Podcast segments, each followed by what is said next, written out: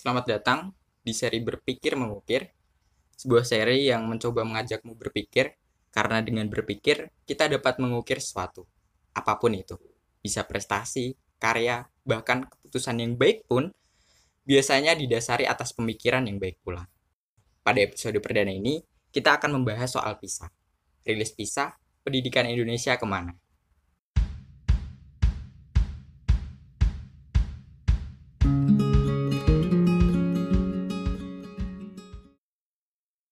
Rilis PISA, pendidikan Indonesia akan ke mana? Jawab saya ya, saya nggak tahu. Hanya waktu yang bisa menjawabnya. Itu kalau saya jawab singkat, padat, dan sangat jelas untuk mengakhiri podcast ini. dan podcastnya pun berakhir. Sebelum kita masuk pembahasan gitu, saya pengen menyampaikan bahwa pembahasan ini dilatar belakangi oleh rilisnya skor PISA yang diterbitkan oleh Kemendikbud pada beberapa waktu lalu. Setelah melihat skor itu, saya kemudian mencoba mencari-cari artikel gitu terkait PISA dan saya menemukan dua artikel menarik dari The Conversation di mana mereka membahas PISA ini secara yang menurut saya ya cukup baik dan cukup lengkap gitu. Mari kita bahas. Yang pertama, apa itu PISA gitu. PISA ya bukan pisang. Jadi PISA itu adalah the program for international study assessment yang merupakan suatu studi global dalam penilaian kompetensi siswa berusia 15 tahun dalam bidang matematika, sains, dan membaca. Tes ini diselenggarakan oleh Organisasi Kerjasama dan Pembangunan Ekonomi, OECD, yang diikuti oleh 79 negara, baik itu dari negara maju maupun negara berkembang. Model soal tesnya sama untuk setiap negara peserta. Soal-soal ini diterjemahkan ke bahasa masing-masing negara. Tes ini bertujuan untuk mempelajari apakah siswa dapat mengaplikasikan pengetahuan yang ia dapatkan di kelas ke dalam situasi yang ditemuinya sehari-hari. Indonesia sendiri telah berpartisipasi dalam tes PISA sejak tahun 2000 yang lalu gitu, 2000 silam. Udah berarti udah ya 19 tahun ya. 19 tahun udah cukup cukup lama. Penilaian ini digelar setiap tiga tahun sekali dengan fokus yang berbeda-beda setiap tahunnya gitu. Jadi mungkin saya kurang tahu detail teknisnya gitu. Di tahun 2018 itu fokusnya pada kemampuan literasi membaca. Mungkin setiap tiga tahun sekali ganti ya. Di yang tahun 2018 membaca, 2015 matematika atau dan tiga tahun sebelumnya sains gitu. Seperti itu ya. Saya kurang begitu paham detailnya gitu. Nah, PISA ini diujikan untuk siswa berusia 15 tahun, yaitu ketika mereka berada di kelas 3 SMP atau awal SMA. Hasil PISA pada tahun 2018 itu menunjukkan bahwa skor untuk literasi membaca siswa di Indonesia adalah 371 poin. Kemudian untuk bidang matematika adalah 379 poin dan sains adalah 396 poin sebuah skor yang membawa Indonesia masuk ke dalam peringkat 10 besar dari bawah. Iya, sayangnya dari bawah ya. Peringkat 10 besar dari bawah dari 79 negara. Nah, jika dibandingkan dengan tes PISA pada tahun 2015, Indonesia mengalami penurunan dalam semua aspek. Itu di mana pada tahun 2015 membaca itu mendapatkan 397 poin, kemudian matematika mendapatkan 386 poin. Dan di bidang sains mendapatkan 403 poin penurunannya kurang lebih ya 10 poin gitu. Secara rata-rata. Ya 10 poin lebih lah. Kemudian jika dibandingkan dengan beberapa negara ASEAN gitu ya yaitu yang pertama tentu saja ya paling dekat dan paling ya bersahabat dalam tanda kutip dengan Indonesia adalah Malaysia ya. Itu di mana skor membaca yang diraih oleh siswa di Malaysia itu mencapai 415 poin. Untuk skor matematika itu 440 poin dan untuk skor sains itu mencapai 438 poin. Levelnya 400-an. Oh. Ya kita Indonesia tertinggal bahkan dari Brunei yang menurut saya mungkin mereka baru pertama kali ikut ya karena dari data yang saya dapatkan ini saya mendapatkan data skor ini dari websitenya Zenius gitu bahwa pada data itu membandingkan antara data 2015 dengan 2018 gitu menampilkan ya kurang lebih. Nah di kolomnya Brunei ini tidak ada data 2015. Jadi kemungkinan Brunei ini baru ikut pada tahun 2018. Sebagai newbie nih, anak baru, anak baru masuk kelas ini, Brunei berhasil mencatatkan skor untuk literasi membaca itu 408 poin. Kemudian di bidang matematika 430 poin dan terakhir di bidang sains itu 431 poin.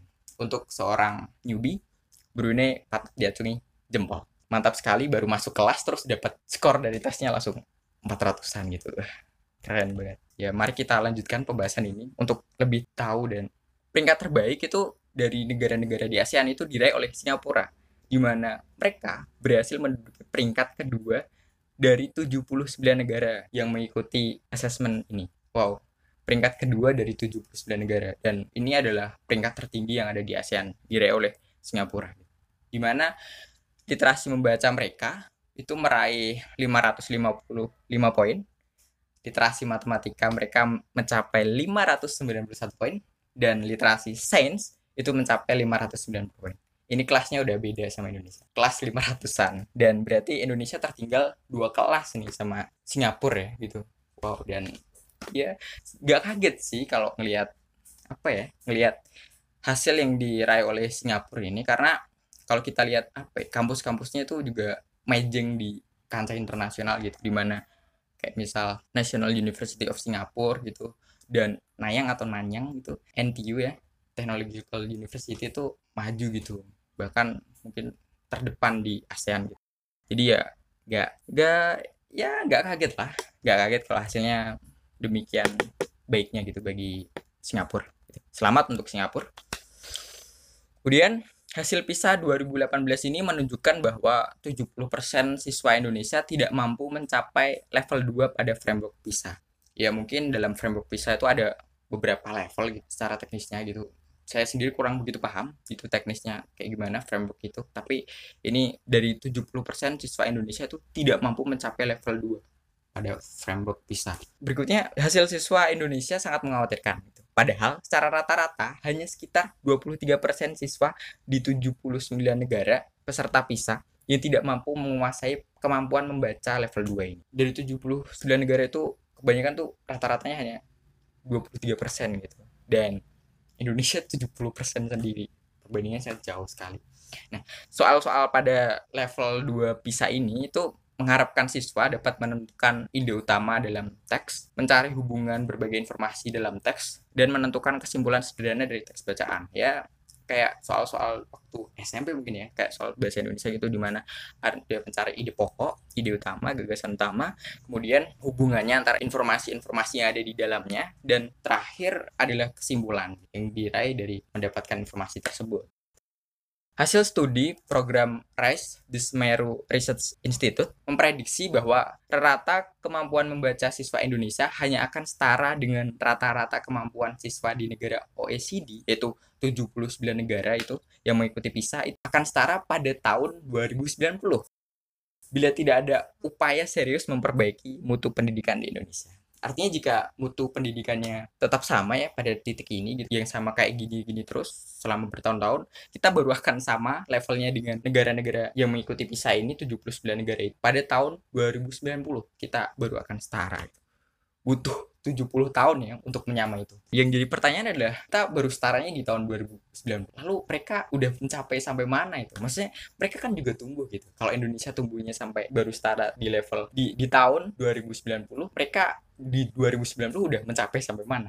Ya kita nggak tahu sih hanya waktu yang bisa menjawabnya. Ya secara garis besar kita nggak tahu. Tapi itu tentu saja jadi apa ya pertanyaan yang merefleksi diri gitu. Oh ini berarti kita butuh evaluasi yang cukup komprehensif perbaikan yang sangat besar. Nah, dampak dari literasi yang rendah ini dalam artikel The Conversation dijelaskan ada banyak dampaknya. Di mana tingkat literasi yang rendah merupakan masalah mendasar yang memiliki dampak yang sangat luas bagi kemajuan bangsa karena sebagian besar keterampilan dan pengetahuan yang lebih mutakhir diperoleh melalui kegiatan membaca. Masyarakat pembaca yang terampil mampu membaca, memahami, mengevaluasi, dan menyaring informasi akan dapat menuai manfaat yang besar dari sumber bacaan yang ia baca. Literasi yang rendah berkontribusi terhadap rendahnya produktivitas negara. Produktivitas yang rendah akan mempengaruhi tingkat kesejahteraan yang ditandai oleh rendahnya pendapatan per kapita, yaitu tingkat pendapatan semua orang di sebuah negara jika terdistribusi secara merata. Literasi rendah juga berkontribusi secara signifikan terhadap kemiskinan, pengangguran, dan kesenjangan. Ini berarti efek domino ya, berkepanjangan gitu. Ketika literasi rendah itu mengancam produktivitas negara. Jika produktivitas negara, pendapatan per kapita juga ikutan rendah. Jika pendapatan per kapita rendah tentu saja berdampak pada ekonomi. Jika ekonominya sedang nggak bagus, maka angka kemiskinan, pengangguran, dan kesenjangan ekonomi pun akan meningkat. Wow, dari literasi dampaknya sampai melebar sejauh itu. Lanjut ya pembahasannya. Berdasarkan laporan UNESCO yang terbit pada tahun 2010 yang berjudul The Social and Economic Impact of Literacy, tingkat literasi rendah mengakibatkan kehilangan atau penurunan produktivitas, tingginya beban biaya kesehatan, kehilangan proses pendidikan baik pada tingkat individu maupun pada tingkat sosial, dan terbatasnya hak advokasi akibat rendahnya partisipasi sosial dan politik. Ya sama, UNESCO juga menyampaikan hal sama bahwa tingkat literasi rendah itu mengakibatkan penurunan aktivitas, kemudian tingginya beban biaya kesehatan. Ya mungkin ya karena kita literasinya rendah, kita jadi sering sakit-sakit ya gitu. Sering sakit-sakit, kemudian kehilangan proses pendidikan, baik itu secara individu, individual maupun pada tingkat sosial, yaitu tingkat komunal, komunitas sama teman-teman dan sama orang-orang di sekeliling gitu. Kemudian terbatasnya hak advokasi akibat rendahnya partisipasi sosial dan politik berarti mungkin ya ketika misal seseorang kenapa-napa gitu terutama terkait dengan hak sosial dan hak politiknya gitu mungkin dia dianiaya atau gimana dia nggak tahu gitu harus lapor ke mana harus menghubungi siapa dan ngurusnya tuh gimana kemudian literasi rendah juga menimbulkan dampak tingginya kecelakaan kerja dan tingginya sakit akibat pekerjaan. Nah ini kemudian disampaikan lebih lanjut ya oleh UNESCO. Dampak antara literasi rendah juga muncul dalam persoalan kesehatan masyarakat karena masyarakat dengan literasi rendah juga umumnya memiliki kesadaran rendah akan kebersihan makanan dan gizi buruk dan memiliki perilaku seks beresiko tinggi. Akibatnya, penyakit seksual, kehamilan, aborsi, kematian itu makin tinggi. Kemudian ini dijelaskan lebih detail ya oleh UNESCO. Literasi rendah juga berdampak pada tingginya angka putus sekolah dan pengangguran yang berdampak pada rendahnya kepercayaan diri. Orang dengan tingkat, literasi rendah sulit menjadi pribadi yang mandiri atau berdaya dan tergantung secara ekonomi pada keluarga, kerabat, dan bahkan negara. Kriminalitas, penyalahgunaan obat dan alkohol, serta kemiskinan dan kesenjangan juga merupakan dampak dari rendahnya tingkat literasi. Ya, lagi-lagi kemiskinan dan kesenjangan ya diulas lagi oleh UNESCO. Berarti emang ya do efek dominonya begitu melebar ke mana-mana sampai kriminalitas penyalahgunaan obat. Hambatan dari mutu pendidikan ini yang bagus itu ternyata disampaikan oleh gimana sih? Aduh aduh. Sih intinya pada artikel The Conversation itu itu juga menyampaikan hambatan. Hambatan yang dialami oleh pendidikan kita kenapa skor PISA kita bisa serendah itu yang pertama adalah hambatannya adalah kualitas guru. Hasil studi PISA 2018 menunjukkan setidaknya ada lima kualitas guru di Indonesia yang dianggap dapat menghambat proses belajar. Yang pertama, guru tidak memahami kebutuhan belajar siswa, guru sering tidak hadir, guru cenderung menolak perubahan, guru tidak mempersiapkan pembelajaran dengan baik, dan guru tidak fleksibel dalam proses pembelajaran. Lima fakta itu, ya saya kan, saya semuanya pernah mengalami itu, baik itu di SD, SMP maupun SMK di mana memang ada kalanya guru tidak memahami kebutuhan belajar siswa. Kemudian guru sering tidak hadir nih sering sekali tentunya baik di mana pun sih bahkan ya sering banget lah pokoknya kalau dulu saya sekolah gitu. Guru sering tidak hadir itu sering. Dan gantinya itu biasanya tugas baik itu tugas individu maupun tugas kelompok. Kemudian guru cenderung menolak perubahan ya ini ada juga gitu beberapa guru yang apa ya ya mungkin kurang berinovasi dan melihat perkembangan zaman gitu dan masih saklek dengan metode atau hal yang dipercayanya dari lama gitu. Keempat ada guru tidak mempersiapkan pembelajaran dengan baik. Ini juga ada. Yo bahkan cuma ngajar ya. Ya intinya kalau kita sekolah kita pasti tahu mana guru yang emang ada persiapan ngajar, mana yang enggak gitu. Karena biasanya kalau ada persiapan ngajar tuh ya lebih dapat gitu lebih dapat dan kemudian tidak apa ya tidak random juga. Ada dan lebih terstruktur terstruktur dan terpola. Kemudian guru tidak fleksibel dalam proses pembelajaran ini mungkin ada kaitannya dengan yang pertama tadi. Di mana ya guru tidak memahami kebutuhan belajar siswa ya jadi tidak fleksibel gitu dalam menyampaikan materi hasil studi yang dilakukan oleh penulis artikel ini penulisnya adalah Cynthia Revina peneliti dari Semeru Research Institute artikelnya sendiri berjudul skor siswa Indonesia dalam penilaian global bisa melorot kualitas guru dan disparitas mutu penyebab utama. Artikelnya dapat dibaca sendiri di The Conversation ya. Nah, hasil studi yang dilakukan oleh beliau itu menunjukkan bahwa hanya ada 12% guru sekolah dasar yang merasa menguasai materi pengajaran literasi membaca. Dan 21% yang menganggap dirinya menguasai materi pengajaran matematika. 1% dan 12%. Saya kurang tahu ini populasinya berapa ya atau sampelnya juga berapa gitu. Tapi ini tentu saja juga angka yang rendah ya gitu. Karena hanya 12% dan 21% gitu yang mengerti gitu hal yang mau diajarinya siswa kemudian hambatan yang kedua adalah perbedaan mutu pendidikan pernyataan kepala badan penelitian dan pengembangan Kementerian Pendidikan dan Kebudayaan mengatakan bahwa naiknya jumlah keterwakilan dalam PISA 2018 dan ketidakmerataan kualitas pendidikan nasional diduga mempengaruhi hasil akhir tes PISA. Skor siswa di daerah yang kualitas pendidikannya belum baik berkontribusi terhadap rendahnya skor rata-rata nasional. Misalnya, di Jogja dan Jakarta memiliki skor rata-rata 411 dan 410 dalam kemampuan membaca. Hal ini menunjukkan bahwa kemampuan membaca siswa DIY dan DKI dinilai setara dengan kemampuan membaca siswa di Malaysia dan Brunei Darussalam.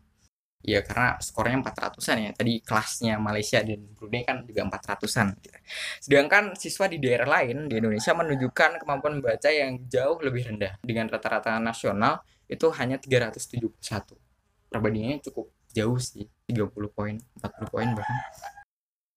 Hasil yang cukup baik itu diraih DIY khususnya di kota Yogyakarta.